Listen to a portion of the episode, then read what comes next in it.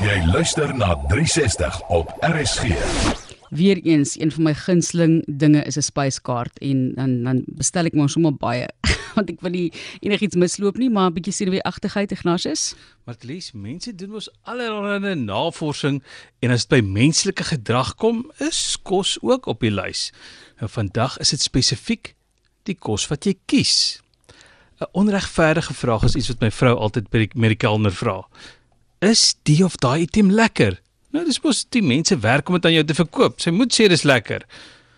Maar nou ja, dis my vrou se navorsing as dit by die kos kom.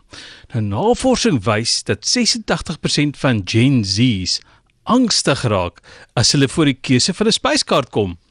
Nou Gen Z is die generasie wat tussen 1997 en 2012 gebore is. So tussen 11 en 26 vandag. Nou wat maak hulle so benoud? Wel, daar is die ding dat die kos wat jy kies net reg moet lyk op Instagram of Telies of 'n ander mm. toepassing, maar jy jy volg wat ek sê. Mm. Daai kosie moet net so lyk dat ander mense wil kwyl vir hom. Van die 18 tot 26 jariges is 34% te skaam om met die kelners te praat.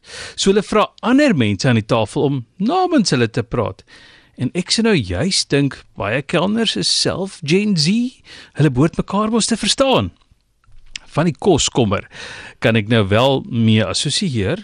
Hulle is bekommerd oor of hulle die regte kos bestel het. Ek praat nou nie van in Frans bestel nie. Dis net daardie biefstuk by die buurtafel lyk like, darem soveel beter as jou burger wat op pad is. En dan is daar wat kos kos. Kos is duur. Maar as jy nog iemand moet betaal om dit te maak en nog iemand om dit vir jou aan te dra, jy weet, klim daardie prys mos gevaarlik hoog. Skielik kies jy nie net iets om te eet nie, dis groot geld wat koers kies. Bon appétit met jou belegging. Gen Z doen navorsing oor daardie beleggings. 40% van hulle gaan glo nie na 'n restaurant toe as hulle nie voor die tyd aanlyn na die spyskaart kan kyk nie.